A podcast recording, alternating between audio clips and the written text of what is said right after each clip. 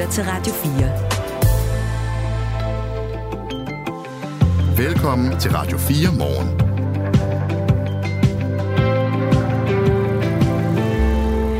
Københavns politi har brugt DNA, det der hedder slægtskabssøgning, til at finde frem til en mulig gerningsmand på det 34 år gamle drab på Hanne Witt. Drabet øh, på Hanne Witt er en af flere kvindedrab, der fandt sted i 90'erne. Og måske så kan den her nye teknologi faktisk hjælpe med at løse flere af de uopklarede sager. Det skal vi tale om her til morgen med øh, Frederik Strand, der er museumsleder for Politimuseet i København, og han er med os øh, klokken cirka 20 minutter over 6 her til morgen. Hvor langt er Israel og Hamas fra, fra at indgå en våbenhvile? Det er et af de spørgsmål, der bliver stillet i de her dage, fordi der forhandles, og øh, den amerikanske udenrigsminister Blinken er også øh, i Mellemøsten. Klokken halv syv, der taler vi med Allan Sørensen, han er mellemøstkorrespondent for Christi Dagblad og befinder sig i Israel. Vi spørger ham, hvad der skal til for, at raketterne mellem Gaza og Israel stopper. Siden starten af nullerne er der blevet skruet gevaldigt på sikkerheden, når vi skal ud og flyve. Men to aktuelle sager kunne tyde på, at sikkerhedsprocedurerne faktisk ikke er helt fejlfri. For nylig der rejste en russisk mand med et SAS-fly fra København til Los Angeles uden pas og uden billet. Og i mandags der var der endnu en sag med en blind passager. Spørgsmålet er jo, hvordan det her overhovedet kan lade sig gøre. Det ser vi på klokken øh, kvart i syv her til morgen.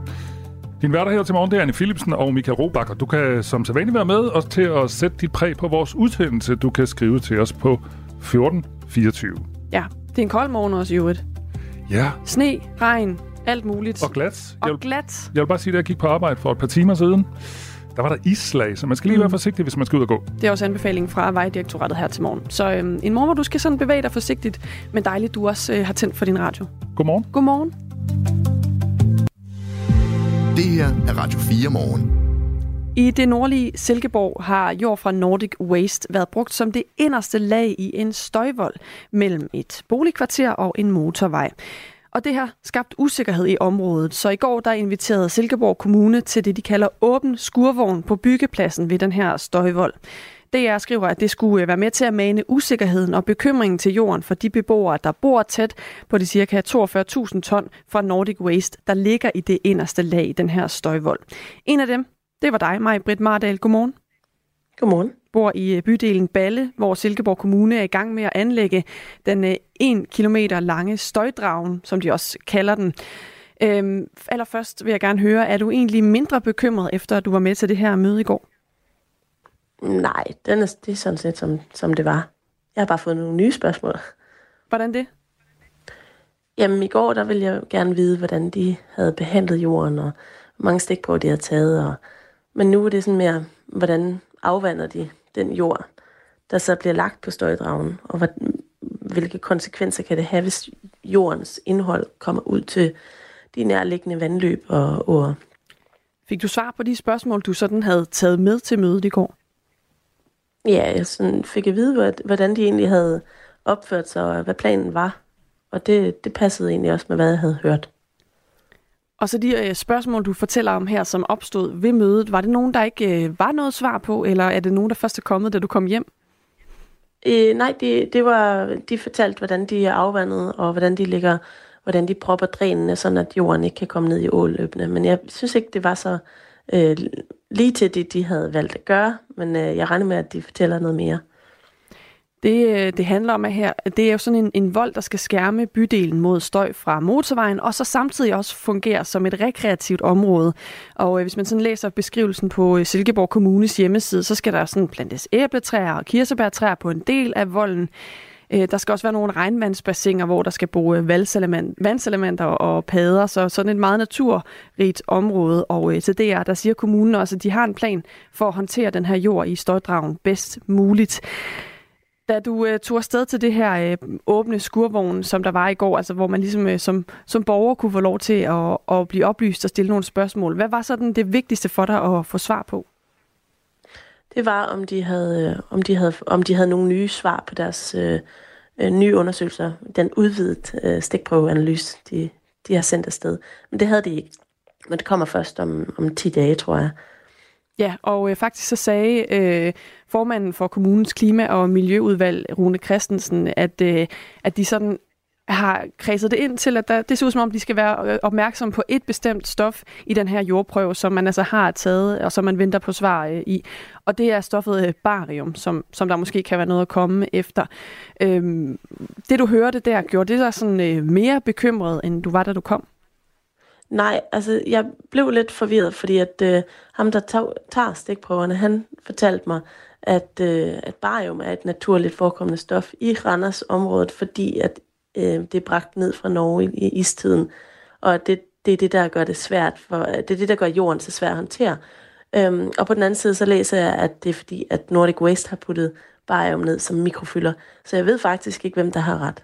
Nej, og det kunne du heller ikke få svar på øh, i går. Nej, men det vidste jeg ikke på det tidspunkt. Ah, okay. Det, det var to modstridende informationer, som jeg ikke rigtig øh, havde opstillet i min hoved på det tidspunkt, for det, så jeg kunne spørge om det. Der er også meget at holde styr på, og mange øh, stoffer og, og begreber, som mange ja. af os jo faktisk ikke har tænkt over før, at det her det kom frem. Ja. Øhm, nu står du så tilbage her. Du har været til det her møde i går, øh, som du fortæller her. Fik du svar på nogle af tingene, og så er der nogle andre ting, der er opstået. Øhm, hvordan har du den sådan fornemmelsen i maven lige nu? Altså, hvor, hvor har det her møde egentlig sådan efterladt dig henne? Jamen, altså, jeg har det egentlig meget fint med, at de laver støjdragene. Jeg tror også, de gør de ting, de skal. Og det er man nødt til at stole på, fordi jeg har ikke tid til andet.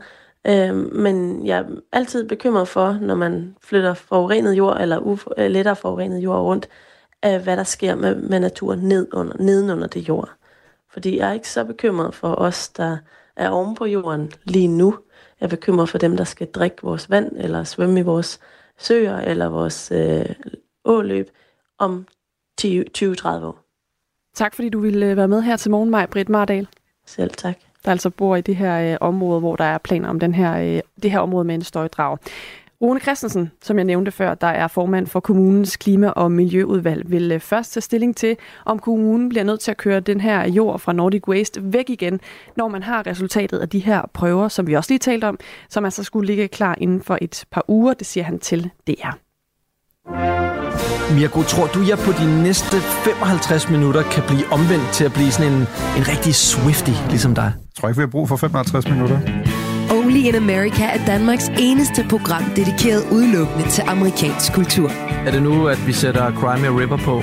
Ja, det tror jeg ikke, vi skal gøre, fordi... Øh... Er den sang blevet cancelled, eller hvad? Hver uge opdaterer Frederik Dirk Skotlib og Mirko Reimer Elster, der på det vigtigste, vildeste og mest vanvittige fra Guds eget land. Det tror jeg, det, det tror det kommer til at ske. altså, jeg tror, at Justin Timberlake er blevet toxic. Lyt til Only in America i Radio 4's app, eller der, hvor du lytter til podcast. Vejle blev i forgårs lavet om til et stort badebassin. Det kommer efter massive regnmængder i store dele af landet, men som især har ramt Vejle. Det resulterede i øh, store oversvømmelser på veje og i ejendomme, og selvom man i Vejle er vant til oversvømmelser, så er butiksindehaver af Fri Bike Shop, Brian Killebækgaard, alligevel overrasket over mængderne i sin butik ved det her regnvejr. Det så ikke særlig spændende ud. Øh, nu har vi jo så prøvet det før jo i 15 og i 19. Men øh, det her, det er godt nok det værste, vi har prøvet. Hele vores butik på små 1000 kvadratmeter, det er dækket af 10 cm vand. Alt er ødelagt. Gulve, inventar, cykler, varer osv. Så så det ser ikke særlig godt ud. Normalt så plejer vi at tørre vand op og komme det i skraldespanden og købe i, i vores baggård. Men den her gang, der kom vandet også ind af Torsgade. Så, øh, så derfor så kunne vi ikke øh, lukke dørene op og komme af med vandet. Så derfor blev vi sat skakmat. Så må vi bare øh, se på, at det hele det sejler til. Byens borgmester, der hedder Jens Ejner Christensen, fortæller til TV2, at det er den værste oversvømmelse i Vejle de seneste fem år. Og han fortæller også, at kapaciteten åbenlyst ikke er stor nok, og at der derfor skal kigges mere på behovet for at få vand væk fra øh, bykernen. Søren Peschardt, der er formand for Klima, Natur og Miljøudvalget i Vejle Kommune, og valg for Socialdemokratiet, fortæller her, hvad kommunen vil gøre for at forhindre yderligere oversvømmelser. Vejle ligger jo naturskønt i, i bunden af en dal, med skrænter på, på to sider, og i går var det særligt på den nordlige skråning, altså den, der dækker et stort vandopland omkring Jelling, at udfordringen var størst, fordi der bare kom øh, rigtig meget vand, og vi er i en situation, hvor jorden er vandmættet. Så der, hvor vi mangler kapacitet, det er simpelthen evnen til at kunne tilbageholde vand øh, oppe i øh, vandoplandet, altså oppe på landbrugsarealerne. Vi er i gang med en række frivillige aftaler og har også øh, indvidet de første bassiner, og så sent som i dag diskuteret, om man i højere grad øh, kunne bruge eksempelvis Forop Sø som et vandparkeringsområde. Situationen i går var bare den, at alle vores øh, vandlager var fyldt. Så derfor er mit ærne sådan set, at nu skal vi til at, at skrue bissen lidt på, når det handler om at, at diskutere med lodsejere og landmænd om, om vi der for pokker ikke kan få lov til at låne øh, deres arealer til noget vandparkering. Og Søren Peschardt, der altså er formand for Klima, Natur og Miljøudvalget i Vejle, forklarer her, hvorfor man ikke tidligere har skruet bissen på, som man lige sagde, for at få bremset vandmasserne. Men det er simpelthen fordi, at vi ikke kan komme i mål med frivillige aftaler. Og det er så derfor, at jeg plæderer for, at vi nu begynder at bruge ekspropriationsværktøjet, altså der, hvor man ligesom øh, ser, at det her det er nødvendigt for almenvældet, og så går ud og kompenserer de enkelte lodsejere, hvis vi ikke kan komme i mål med frivillige aftaler. Vi er ikke kommet langt nok med de frivillige aftaler, så derfor tænker jeg, at vi nu må til at tage det næste værktøj i værktøjskassen, som i min optik er ekspropriation, altså at vi erhverver os retten til mod, efter erstatning selvfølgelig, og oversvømme arealer nogle enkelte gange. Altså nu, det er jo ikke, heldigvis ikke noget, der sker ofte. Det er bare sket for ofte her på det sidste. Brian Killebækgaard, der er ejer af Fri Bike Shop midt i Vejle, synes, at øh, kommunen alt for længe har symptombehandlet, når det kommer til det her øh, meget våde vejr og de konsekvenser, det har. Jeg vil ikke sådan særligt skal ud på kommunen, men lidt skal ud vil jeg da godt give den, men ellers så synes jeg, at de gør det godt. Vi har jo en forventning om, at det bliver taget hånd om det her effektivt, og ikke bare den der symptombehandling, som vi har hørt om tidligere. Så vil de se en kørebane eller hæve kantstenen. Som jeg ser det, så er det eneste rigtige løsning, det er jo at sørge for, at vandet slet ikke kommer ind til byen. Og det er et synspunkt, som Søren Peschardt, der altså er formand for Klima, Natur og Miljøudvalget i Vejle Kommune, godt kan tilslutte sig. Der skal nogle større greb til, og det kræver noget politisk mod. Men så sent som her i eftermiddag har jeg jo bedt øh, mine byrådspolitikere om at få et mandat til at arbejde videre af det, vi kalder ekspropriationssporet, altså for alvor gøre det, vi ved, der er nødvendigt, netop at parkere vandet oven for skråningerne, fordi vi kan ikke øh, fortsætte med det spor, vi går på nu, som er ren og skær symptombehandling i vores midtby. Det er mængderne simpelthen for store til, og intet tyder jo på, at vi har set øh, de største regnskyld endnu. Søren Peschardt tror, at der også er kommet en forståelse blandt øh, Vejles politikere for, at der skal tages skrabere redskaber i brug, hvis man skal bekæmpe de her oversvømmelser. Men han anerkender også, at der formentlig blandt lodsejere vil være nogen, som ikke er tilfredse med at skulle have deres jord eksproprieret. Det ligger jo ligesom i begrebet ekspropriation, at det er de måske ikke. Men der er det jo, at, at man som politiker en gang imellem må træffe nogle beslutninger, som for den enkelte kan være lidt ubehagelige, men af hensyn til helheden, og i, og i det her tilfælde værdierne i Vejle by, øh, så gør vi det, og så kompenserer vi øh, lodsejeren derfor. Og han kan ikke endnu sige, hvornår Vejle er klar til at løse den her situation. Så vores udfordring er, at de her to øh, situationer, altså situationen omkring jul og, og årsskiftet, og så den situation nu, hvor jorden stadigvæk er vandmættet, de er simpelthen kommet for tæt på hinanden. Der er et møde, øh, der har været møde her i eftermiddag, og der er møde igen øh, på fredag, allerede på fredag, hvor vi begynder at, at skrue på de her værktøjer, som vi har fået signaler om, at vi må bringe i anvendelse. Så Øh, nej, vi når ikke at løse en eventuel situation i marts, men øh, det har vores øh, fulde politiske bevågenhed, sagde en politiker. Som altså hedder Søren Peschardt og formand for Klima, Natur og Miljøudvalget i Vejle Kommune, valgt for Socialdemokratiet. Altså en øh, by, Vejle, som har været truet af oversvømmelser igennem øh, mange år, fordi den ligger, eller har i hvert fald en del lavt liggende områder. Klokken er 18 minutter over 6 lytter til Radio 4 morgen. En 53-årig mand blev i går varetægtsfængslet. Han er sigtet for nytårsnat 1990 og har dræbt den 23-årige Hanne Witt i hendes lejlighed i København. Gennembruddet i efterforskningen kom efter politiet gjorde brug af det, der hedder slægtskabssøgning, hvor man bruger DNA-spor til at finde frem til en eventuel gerningsmand. I den her konkrete sag var det DNA fra den 53-årige søn, som politiet havde i sin database, der førte øh, efterforskerne på sporet den mand, der altså nu er anholdt. Drabet på Hanne Witt er altså måske på vej til en opklaring, men der er stadig flere uopklarede kvindedrab, øh, hvor gerningsmanden aldrig er blevet fundet. Frederik Strand er museumsleder på Politimuseet i København og forfatter til bogen Uopklaret, som handler om uopklarede forbrydelser i Danmark. Godmorgen. Godmorgen. Der er selvfølgelig også uh, uopklarede drab, hvor mænd er offer, men her til morgen så fokuserer vi på kvindedrabene. Hvad kendetegner de drab på kvinder, som endnu ikke er opklaret? Ja, der er forskellige øh, elementer i spil der. Altså typisk vil det være sådan, at øh, hvis nu for eksempel vi ser på kvindedrabene i, øh, i 90'erne, øh, som Hanne Witt-sagen øh, er, er det sådan en del af det sagskompleks, kan man sige. Så er det sådan, at øh, der, hvor der ikke har været et gennembrud, der har der typisk været problemer med øh, de tekniske beviser. Og det vil altså sige, at øh, for eksempel det DNA-materiale, der er fundet, det kan være forurenet. Øh, det er ofte noget, der gør sig gældende, når man ikke kommer videre øh, med sagen. Det kan også være sådan, at der er nogle vidner, som man har efterspurgt fra politiets side, som simpelthen ikke er, er dukket op. Øh, og det har så betyder, at politiet ikke er kommet videre med, med sagen. Så det er typisk noget omkring de kriminaltekniske spor og vidner, Øhm, og så kan der være måske også et problem i forhold til, at efterforskningen kan være kommet for langsomt i gang i nogle henseender. Det betinger, øh, at uafklarede drab på, øh, på kvinder, de øh, forbliver uafklarede. Mm. Er det et udtryk for dårligt politiarbejde? Det er det ikke nødvendigvis. Øhm, altså, øh, hvis vi nu for eksempel ser på, igen på nogle af de sager, som, som er i 90'erne, som er meget kendte, de uh, uopklarede drab der, der er det jo sådan, at øh, for eksempel i et af tilfældene, øh, Stine Geilster-sagen, øh, der, der er det sådan, at øh, da hun bliver fundet, så er der hældt bonevoks ud over hende. Og det betyder for eksempel, at DNA-profilen den er forurenet. Øh, og der er også nogle vidner, som ikke dukker op i den forbindelse. Og det er jo ikke, det er sådan set ikke dårligt politiarbejde. Det er en række elementer i efterforskningen, som betyder, at øh, man ikke kan komme videre med sagen. Så, så det er ikke nødvendigvis dårligt politiarbejde. Der kan også spille andre forhold ind i forbindelse med uafklarede sager. Mm. Det her begreb fjerndrab, det er jo som udgangspunkt, når øh, offeret og gerningsmanden ikke kender hinanden på forhånd. Altså langt de fleste drab, der kender offer og gerningsmand hinanden. Øh, må vi formode, at de her drab, som ikke er opklaret, altså de her kvindedrab, hovedsageligt fra 90'erne, og der er jo øh, stadigvæk nogen, der er uopklaret i Københavnsområdet, at det er de her fjerndrab, altså hvor man ikke har kendskab mellem, hvor der ikke har været kendskab mellem offer og gerningsmand på forhånd? Det er faktisk et rigtig godt spørgsmål. Øh, altså i, i flere sagerne, så vil jeg formode, at der er tale om fjerndrab, altså hvor offer og gerningsmand ikke kender hinanden. Men vi kan faktisk ikke sige det med sikkerhed for alle sagerne. Det kan også have været nærdrab. Altså det kan have været sådan, at offer og gerningsmand har kendt hinanden. Vi ved det bare ikke. Øh, altså der er nogle af sagerne, hvor det er helt tydeligt, at det er fjerndrab. Øh, men der er også øh, andre sager, hvor man kan sige, det er ikke sikkert. Det kan godt være, at det har været et, øh, et nærdrab.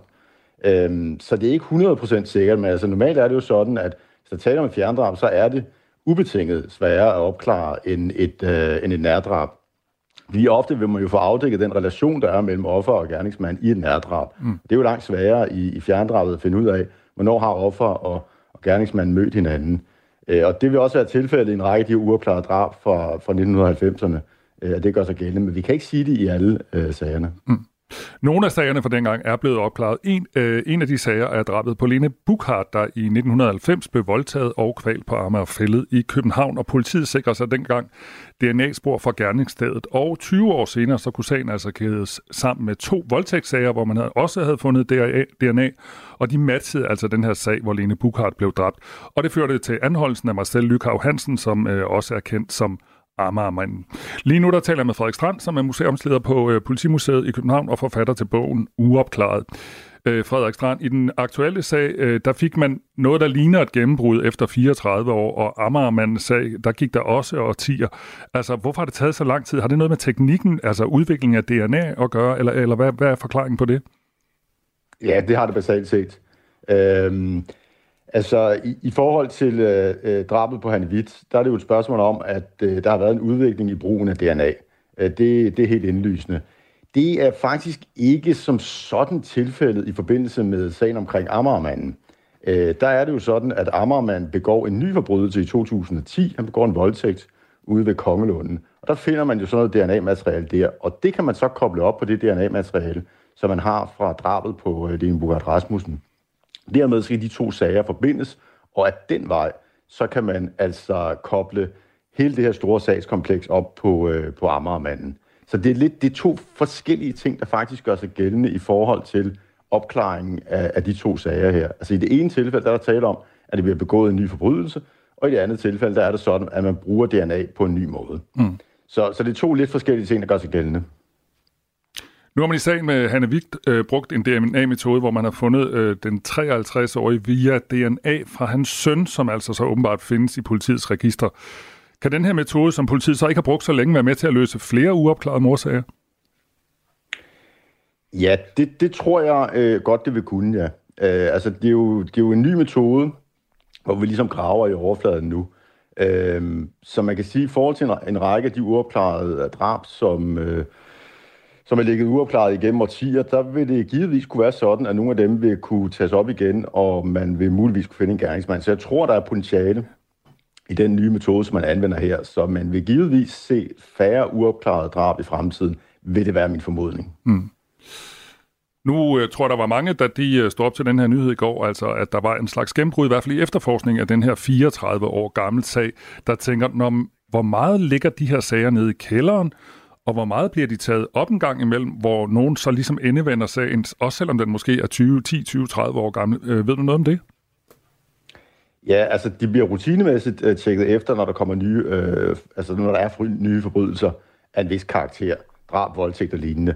Så tjekker man op i forhold til de sager, så det er ikke sådan, at de ligger nede i kælderen og bare samler støv. Altså, øh, der er ingen forældelsesfrist, og de bliver løbende tjekket igennem i forhold til andre forbrydelser. Så, så, så det er en, en løbende proces, når vi ser på de her sager. Hmm. Tak fordi du var med i Radio 4 morgen. Selv tak. Altså Frederik Strand, der er museumsleder på øh, Politimuseet i København, og så skal jeg også tilføje, at den 53-årige mand, der er anholdt i den aktuelle sag, han nægter sig skyldig. Klokken den er 4 minutter i halv syv. Du lytter til Radio 4. Den russiske præsident Vladimir Putin har ikke talt med nogen vestlige medier siden krigen i Ukraine brød ud for øh, omkring to år siden. Nu har den amerikanske journalist Tucker Carlson så fået en aftale med Putin. Det var noget, vi også talte om i Radio 4 morgen øh, i går. Mm. Nu er der så kommet et tidspunkt for, hvornår man kan se det her meget omtalte interview. Det bliver til midnat dansk tid, øh, at det her interview, som Putin har givet til Tucker Carlson, bliver vist på Tucker Carlsons egen hjemmeside. Det har han altså nu øh, annonceret på øh, Instagram. Det hører jo med til historien, at uh, Tucker Carlson er en sådan meget kontroversiel figur i det amerikanske mediebillede, og at han også uh, i flere år har været uh, en af de sådan, allerstørste værtsprofiler på mediegiganten Fox News. Og vi talte i går med Andrej Kasankov, som er Weekendavisens Ruslands korrespondent, og uh, han beskrev Tucker Carlson sådan her. Tucker Carlson gennem længere tid har givet udtryk for, at han øh, har nogle af de samme holdninger som øh, Vladimir Putin og øh, russerne i forhold til krigen i Ukraine, eller i hvert fald har han været meget kritisk i forhold til den hjælp, som USA og resten af Vesten har ydet til Ukraine. Og måske derfor er det ikke så tilfældigt, at det lige bliver Tucker Carlson, der skal lave det her første interview med Vladimir Putin som en vestlig journalist. Øhm, det var ligesom nyheden i går. I dag er nyheden altså, at det kommer øh, til midnat dansk tid, der kan man se det her interview, og så må vi jo se, hvad der rent faktisk kommer ud af interviewet. Og hvor kan man se det hen? På hans egen hjemmeside, Tucker okay. Carlsons hjemmeside. Okay. Mm? Det her er Radio 4 morgen. Husk, at du kan sende os en sms 1424. Når man skal ud og rejse, så har man jo den der fornemmelse af, at sikkerheden er i top. Mm. Og øh, ikke mindst øh, siden øh, 9-11, altså omkring årtusindskiftet, der var der jo alle mulige restriktioner, der blev sat ind i lufthavnen, når vi skulle ud og flyve. Altså det her med, at man skal tage alle mulige ting op af sin kuffert, og øh, at øh, det på alle måder er blevet sådan sikkerheden er blevet skærpet, når vi skal ud og rejse. Så derfor så er der to sager, som er ret aktuelle, som gør et vist indtryk. Fordi øh, for nylig der rejste øh, en russisk mand, øh, Sergej Uchigawa hedder han, med et SAS-fly fra København til Los Angeles, helt uden pas og uden billet. Og man tænker, hvordan kan det lade sig gøre? Man... Det, ja, det virker helt usandsynligt, ja. at man kommer igennem alle kontrollerne. Men det gjorde han. Mm. Og øh, da han så kom til USA, så blev han både anholdt, og han er også dømt i den her sag, for man må faktisk ikke rejse på den der måde, altså som blind passager. Så kunne man jo tro, at det bare ligesom var en enkeltstående sag. Mm. Det er det ikke. Nej. I mandags, der fløj endnu en blind passager. Den her gang, der var det med, øh, med et øh, Norwegian-fly fra London til København. Interessant, tænker man, fordi hvad er forhistorien? Hvad ligger der bag det her? Og er sikkerheden ikke så god, som øh, man egentlig skulle gå og tro? Det taler vi med Kåre Sørensen om. Han er journalist på mediet Zetland og har beskæftiget sig med og beskrevet de her to sager. Ham taler vi med, når klokken er cirka kvart i syv. Og inden da, der skal vi tale om en telefonhotline, hvor øh, tanken ligesom var, at ældre ensomme kunne ringe ind og få sig en snak. Altså man kender jo øh, børnetelefonen, hvor børn kan ringe ind, hvis de er ensomme eller hvis de har problemer, og så få en øh, snak også øh, med mulighed for at være øh, anonym. Det tænkte man altså i Middelfart Kommune. Lad os gøre det samme, øh, give den mulighed til ældre. Fem dage i ugen har der siddet ældre øh, frivillige rådgivere klar ved telefonen, klar til at lytte, dele ud af deres erfaringer. Problemet er bare, der er ingen, der har ringet. No. Altså ikke en eneste, der har ringet. Øhm, hvordan er det så at sidde i den anden ende og vente på opkald, og skal den her idé så egentlig øh, blive ved med at bestå? Det skal vi tale med et togholderen på den her ældre linje om øh, kvart i syv. Lige nu der er klokken halv syv. Nu er der nyheder på Radio 4. En leder fra den militante irakiske gruppe Kataib Hezbollah er dræbt i et amerikansk droneangreb i Iraks hovedstad Bagdad, det skriver nyhedsbyrået Reuters. Det amerikanske militær har taget ansvaret for angrebet og oplyser, at den dræbte leder var ansvarlig for at planlægge og medvirke i angreb mod amerikanske styrker. Angrebet kommer som svar på angreb mod amerikanske soldater, oplyser det amerikanske militær. Militæret skriver, at der ikke er noget, der tyder på civile tab som følge af angrebet angrebet. Et medlem af den militante gruppe bekræfter over for nyhedsbyrået AFP, at en af de i alt tre dræbte var en kommandant for gruppen. Den dræbte havde ansvar for gruppens militære anlæggende i nabolandet Syrien, siger kilden. Opnåelsen af klimamålet for 2025 er præget af omdiskuterede regnestykker og kortsigtede klimatiltag. Det udstiller en svaghed ved de danske klimamål, mener de radikale, og derfor vil partiet genåbne klimaloven og indføre et nyt klimamål. Det nye mål skal tage udgangspunkt i, at det er de samlede udledninger af drivhusgasser over årene, som skal reduceres, og altså ikke kun udledningen fra mål år i eksempelvis 2025 og 2030. Vi er nødt til at have nogle absolute tal for, hvor store CO2-reduktioner regeringen skal levere i en regeringsperiode eller inden for en bestemt årrække, siger de radikales klimaordfører Samira Nava. Forslaget kommer efter, at regeringen meldte 2025-målet så godt som indfriet, fordi nye beregninger viste, at lavbundsjord stoppede med at udlede drivhusgas tidligere end antaget. Det kom dog efterfølgende frem, at forskerne i en anden undersøgelse anslår, at lavbundsjordene til gengæld udleder markant mere i den tid, de er aktive, end man hidtil har opgjort. FN's Sikkerhedsråd er ifølge generalsekretær Antonio Guterres i dyb splittelse og ikke i stand til at takle kritiske problemer. Det er ikke første gang Sikkerhedsrådet er splittet, men det er den værste, det siger han under sin tale ved FN's generalforsamling. Guterres advarer om, at verden er på vej ind i en tilstand af kaos og henviser til krigen mellem Israel og Hamas. Ifølge generalsekretæren vil det blive forværret, vil det forværre et allerede humanitært mareridt, hvis israelske styrker går ind i den sydlige by Rafah. Guterres opfordrer til humanitær våbenhvile og løsladelse af gisler. I Pakistan er mobilsignalet blevet lukket over hele landet på samme dag, som der skal stemmes ved parlamentsvalget. Det oplyser landets indrigsministerium og begrunder det med et behov for at opretholde lov og orden. Så sent som aftenen inden valgdagen faldt to eksplosioner sted, hvor i alt 26 mennesker mistede livet. Januar måned var verdens varmeste januar, som nogensinde er blevet målt. Det viser en rapport offentliggjort af Copernicus, der er EU's klimatjeneste. Januar måned havde en gennemsnitlig overfladetemperatur på 13,14 grader, og det er 0,12 grader højere end verdens hidtil varmeste januar. Vi har taget hul på en dag, der byder på nogen sol og enkelte sne- eller sludbyer, temperaturer mellem frysepunktet og 4 graders varme og en svag til frisk vind. Det her er Radio 4 morgen.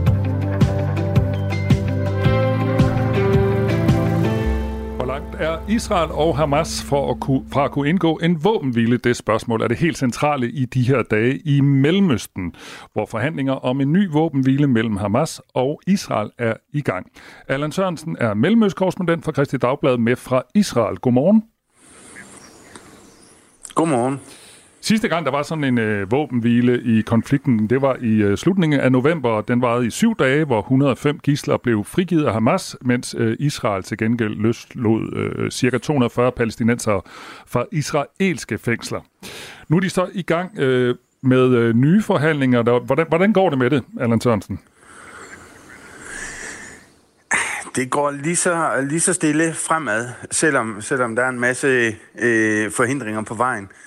Altså, der var øh, rammeaftalen for 10 dage siden i, i Paris, hvor Israel, Ægypten, Katar og, og amerikanerne øh, blev enige om en rammeaftale, og i går kom Hamas så med deres svar, som er et... Øh, ja, hvis vi skal citere Netanyahu, så er det et latterligt svar, det er en vrangforestilling, men alligevel, øh, til trods for, at Hamas' krav de er meget, meget høje, så fortsætter forhandlingerne i dag i, i Cairo, i den egyptiske hovedstad. Øh, det kan være, at vi lige skal prøve at øh, tage nogle af de her krav. Altså ifølge nyhedsbyrået Reuters i hvert fald, øh, så er der kommet et notat ud fra de her forhandlinger med Hamas som afsender, og det er et forslag, forslag altså fra Hamas til en våbenhvile, som indebærer, at Hamas vil løslade israelske gisler i Gaza, mod at palæstinensiske, palæstinensiske fanger frigives fra israelske fængsler, og Hamas vil øh, have løsladt 1.500 palæstinensiske indsatte i israelske fængsler for at frigive de sidste 132 gisler, som de holder fanget øh, ifølge Israels militær, altså det her tal. Og desuden så vil Hamas også have sikret genopbygning af Gaza, sikre tilbagetrækning af alle israelske soldater i Gaza og udveksle øh, øh, lige, altså døde personer med Israel. Og hvis disse parametre bliver til noget, så vil Hamas være villig til at indgå en aftale med Israel om at afslutte krigen i Gaza. Øh, Allan Sørensen, hvorfor er det i øh, Netanyahus ører helt, øh, helt tosset det her? Øhm, på grund af tidsrammen, altså Hamas taler om øh, 3 gange 45 dages øh, våbenhvile, det er altså at sige 3 gange halvanden måneds øh, våbenhvile, plus at Hamas øh, selv vil navngive de fanger, de palæstinensiske fanger, øh, der, skal, der skal løslades fra israelske fængsler.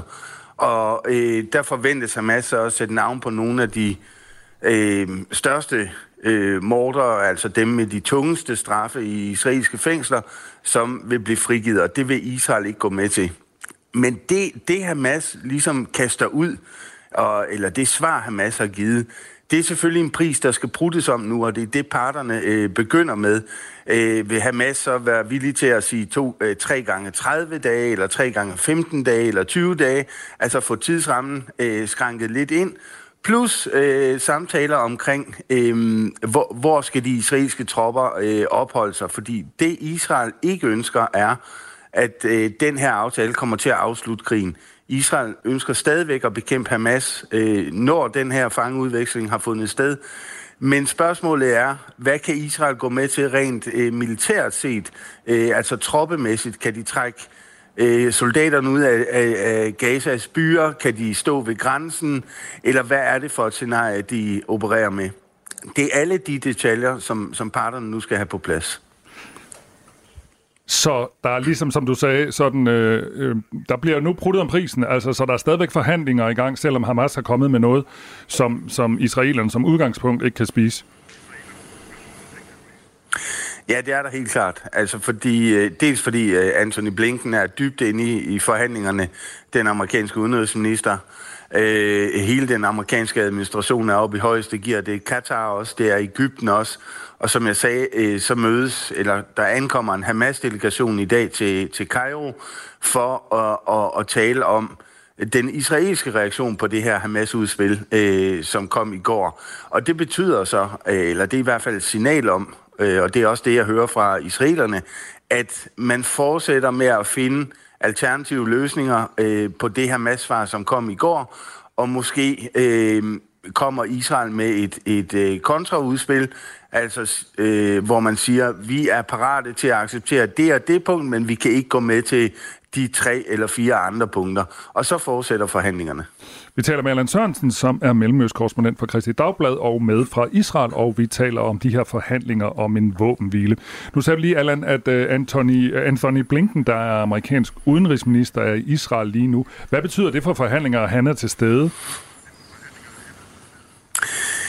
Det betød meget, da, da forhandlingerne lykkedes i øh, slutningen af november. Der var han meget aktiv, og det var hele den amerikanske administration, og det er den stadigvæk.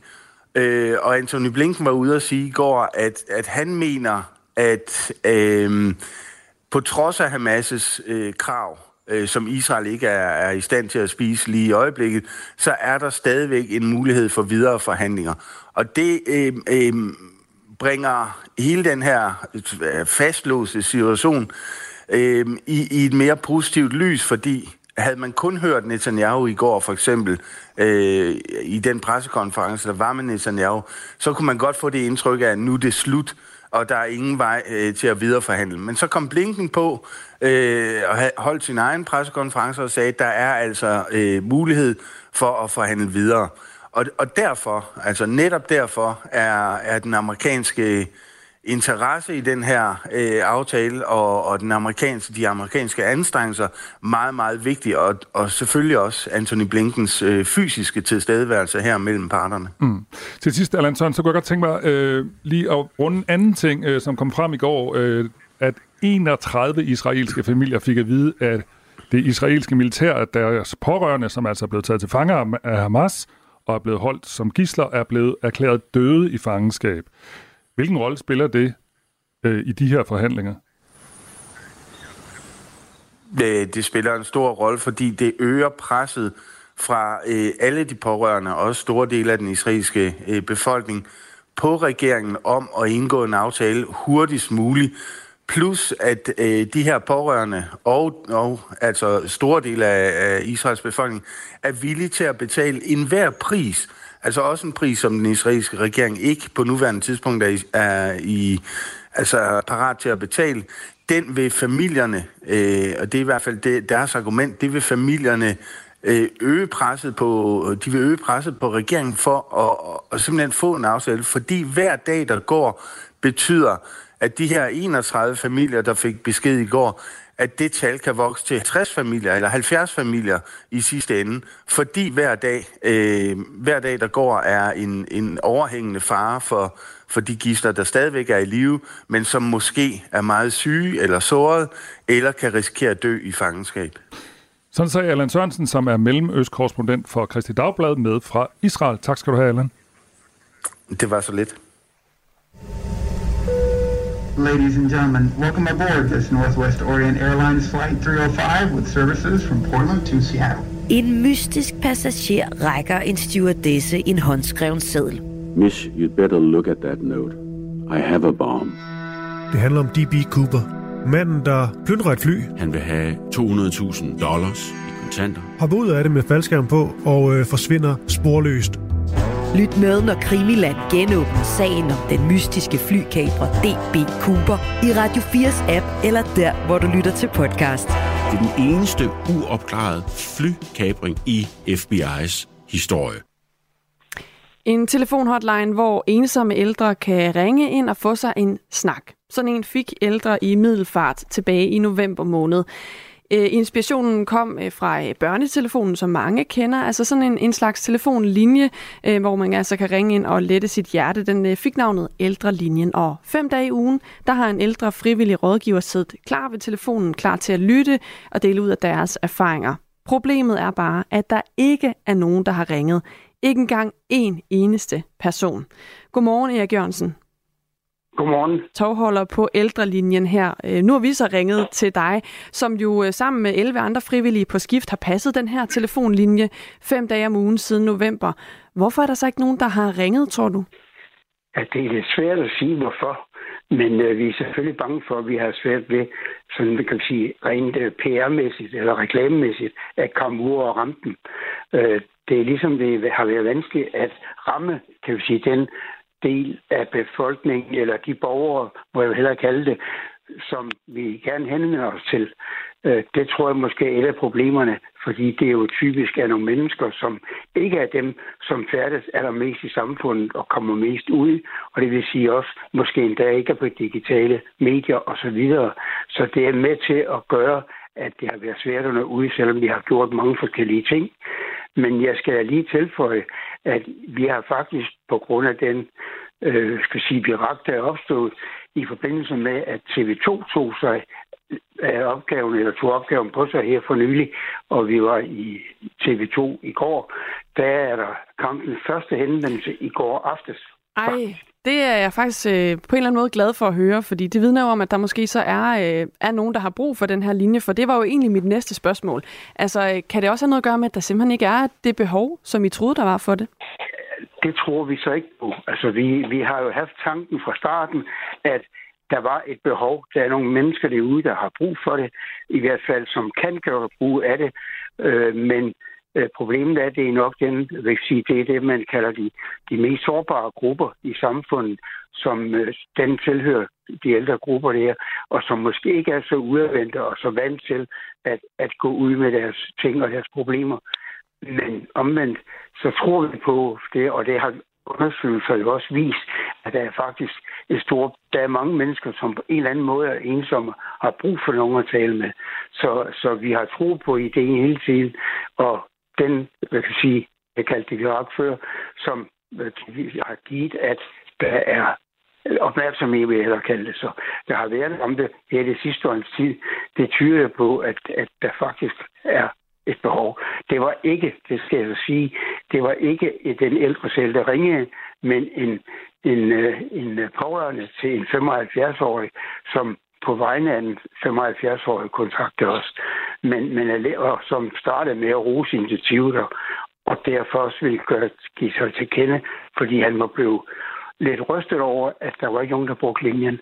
Så, så det vil han gerne tale om, og så øh, viste sig faktisk, at mens den pågældende ringe, der er der været i hvert fald en oprikning.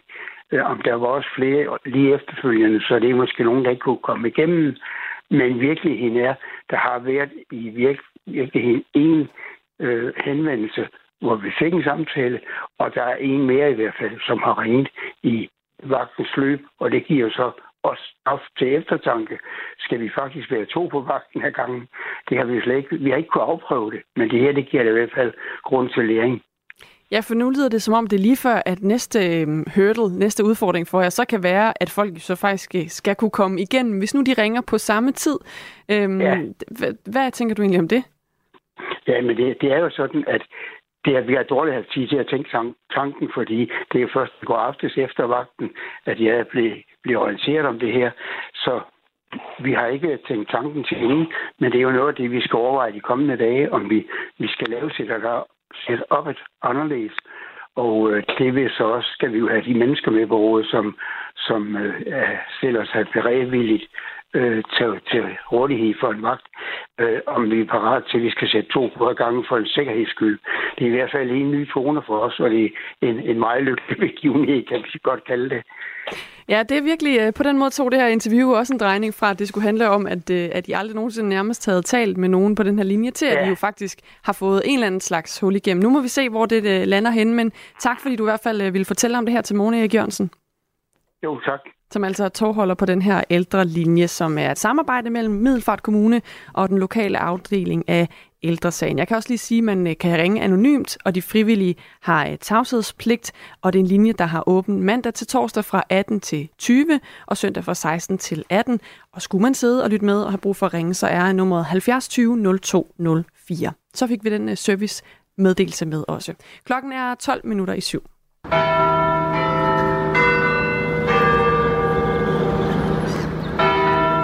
Man skulle tro, klokken var 12, når du spiller den der.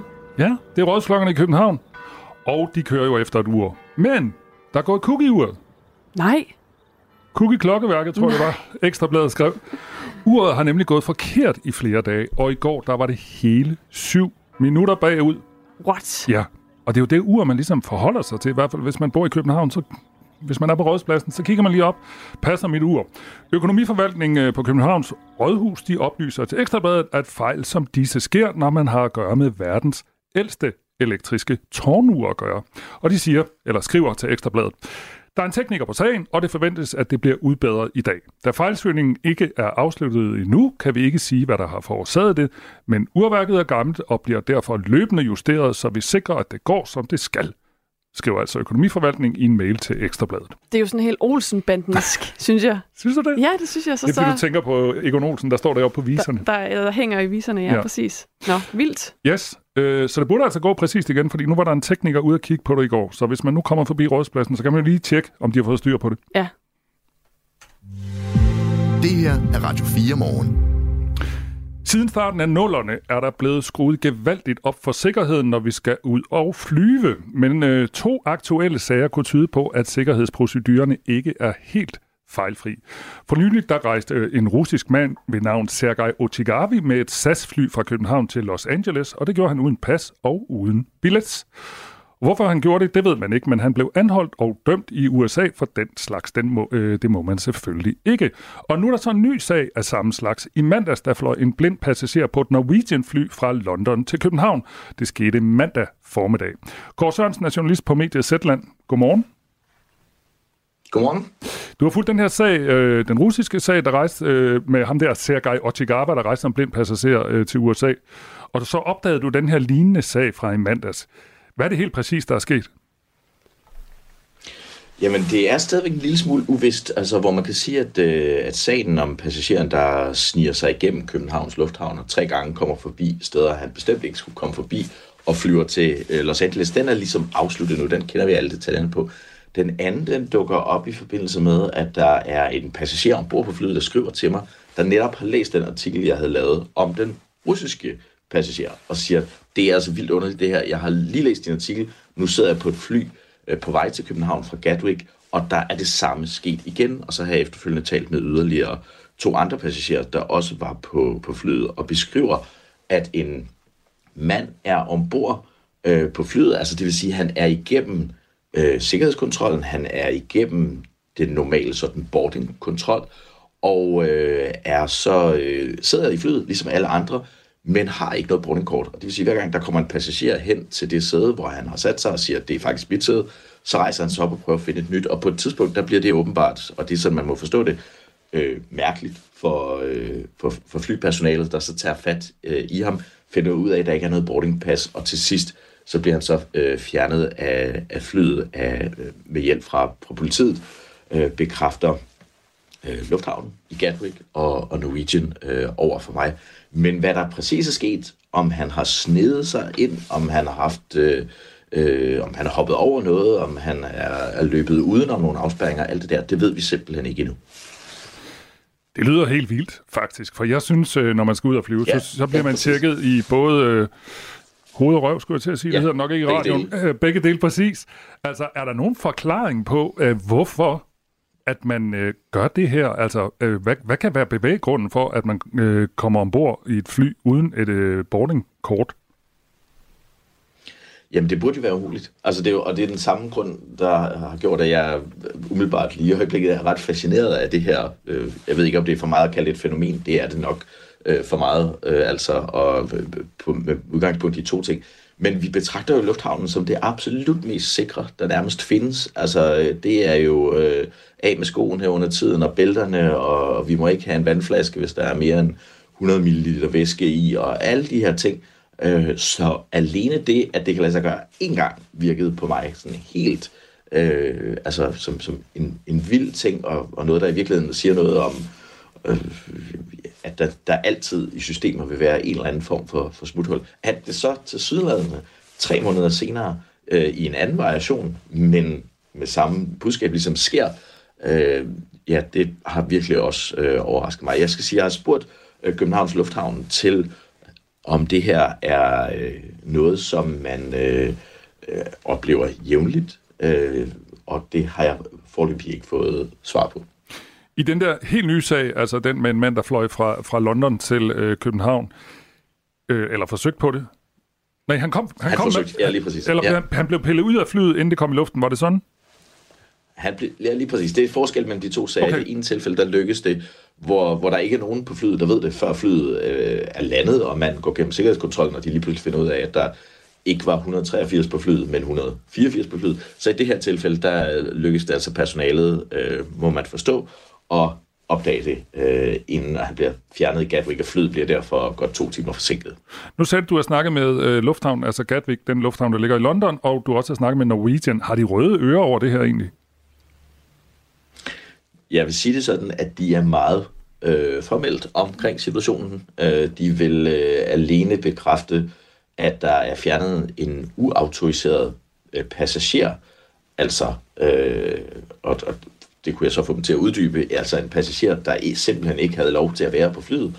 Øh, det vi sådan lidt populært øh, gennem årene har kaldt en blind passager. Mm. Øh, og, og det er faktisk det, de, de vil forholde sig til. Jeg har selvfølgelig spurgt dem, hvordan i alverden kan det her ske? Er man, øh, som vi så i tilfældet i København, der øh, viste sig jo, at russeren ligesom smuttede med dem, der var øh, på vej gennem sikkerhedskontrollen. Det gjorde han to gange. Altså simpelthen listede sig øh, tæt på dem, så når de gik gennem øh, de her øh, maskiner, der ligesom automatisk tæller øh, antallet af passagerer, er han så smuttet med. Er det det, der også er sket i, i Gatwick, eller er der en, øh, en anden forklaring, som, som nævnt, at det kunne jo være, at han var hoppet over et eller andet, eller øh, på anden vis havde fundet vej til, til banen. Det ved vi ikke. Det jeg måske skal sige med, for en god undskyld med Gatwick-situationen, er, at politiet øh, er meget optaget af, at manden havde været gennem sikkerhedskontrol, og det var han, øh, det var russeren også i København, havde været gennem sikkerhedskontrol, og derfor var der ikke en sikkerhedstrussel i, i det, der øh, foregik. Men derfor er det jo selvfølgelig, synes alle, der er involveret i det her, pinligt, når det så lykkes mm. nogen at slippe ombord på et fly, som de ikke burde være på. Vi taler med Kåre Sørensen, som er journalist på mediet Zetland, og som interesserer sig for det, der hedder blinde passagerer, eller i hvert fald er begyndt at interessere sig for det. Øh, Kåre, du sagde, at vi ved, ja. ja, åbenbart, sådan er det at være journalist. Øh, du sagde, at vi ved ikke så meget om den sag fra i mandags, men vi ved noget mere om den, øh, den gamle sag, om man så må sige, altså hvor en russer fløj fra København til Los Angeles. Hvad gik der egentlig galt der? Der gik meget galt. Altså, øh, tre, tre grundlæggende ting. Det første er, at øh, da han skal igennem den første adgangskontrol, det vil sige inden sikkerhedskontrollen, der er der lige sådan et sted i Københavns Lufthavn, hvor øh, passagererne ligesom selv bipper deres boardingkort ind. Og det skal jo sikre, at der kun kommer dem ind i lufthavnen, som har noget at lave ind i lufthavnen. Og det, hvis man vinker farvel til en, øh, en, en ven eller et familiemedlem, der skal ud og rejse, så kan man ikke komme forbi det her punkt. Der hoppede han simpelthen efter en mand, øh, som, øh, som gik igennem øh, adgangskontrollen her, Øh, så sker der det, at da han kommer op til det, der hedder Finger C, også kendt som non-Schengen, altså der, hvor man rejser ud af, af det europæiske Schengen-område, øh, der viser det sig, at han, han, hans pas øh, dur ikke. Han har et russisk og et israelsk pas. Øh, dem kan han simpelthen ikke bruge øh, længere, fordi han har været alt for længe i Europa. Øh, han har øh, forbrudt sig mod reglerne, og derfor så tager politiet hans pas. Så siger de til ham, vil du hvad, kom lige igennem paskontrollen og sæt dig på en bænk her og vent, så ordner vi din sag. Det vil sige, at han kommer altså igennem øh, ud til området. Det er en ret vild ting. Det er åbenbart almindelig praksis, øh, fortæller Københavns politi, men ikke desto mindre i det her tilfælde jo det, der så skaber udfordringen, fordi manden efter at have fået at vide, at, øh, at du, du kommer altså ikke ud at flyve i dag, men vi har taget din pas, og, og du bliver formentlig udvist af Europa, øh, så forsøger han først at komme på et fly til Bangkok, der siger øh, SAS øh, nej tak. Så forsøger han at, at komme med et fly til øh, London, der siger personalet øh, nej tak.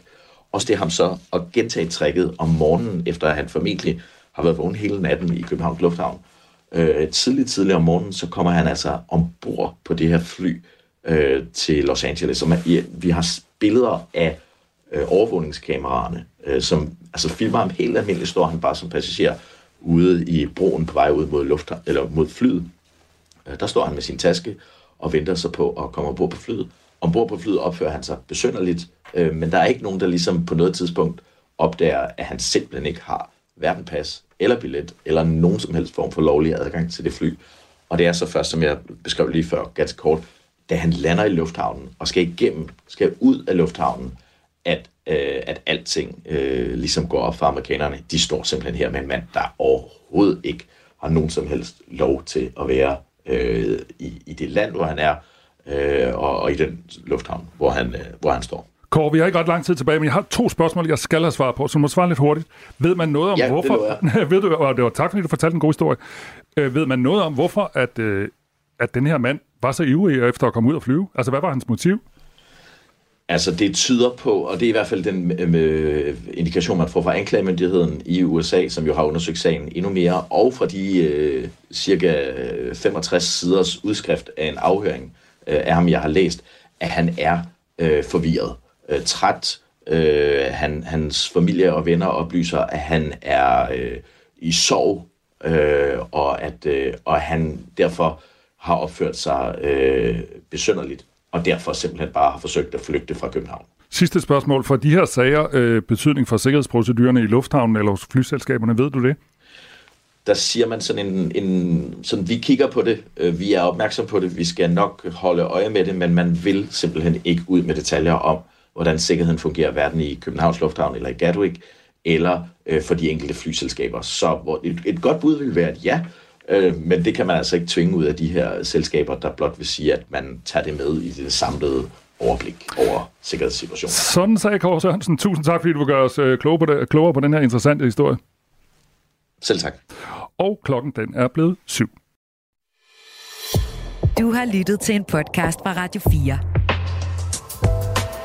Find flere episoder i vores app, eller der, hvor du lytter til podcast.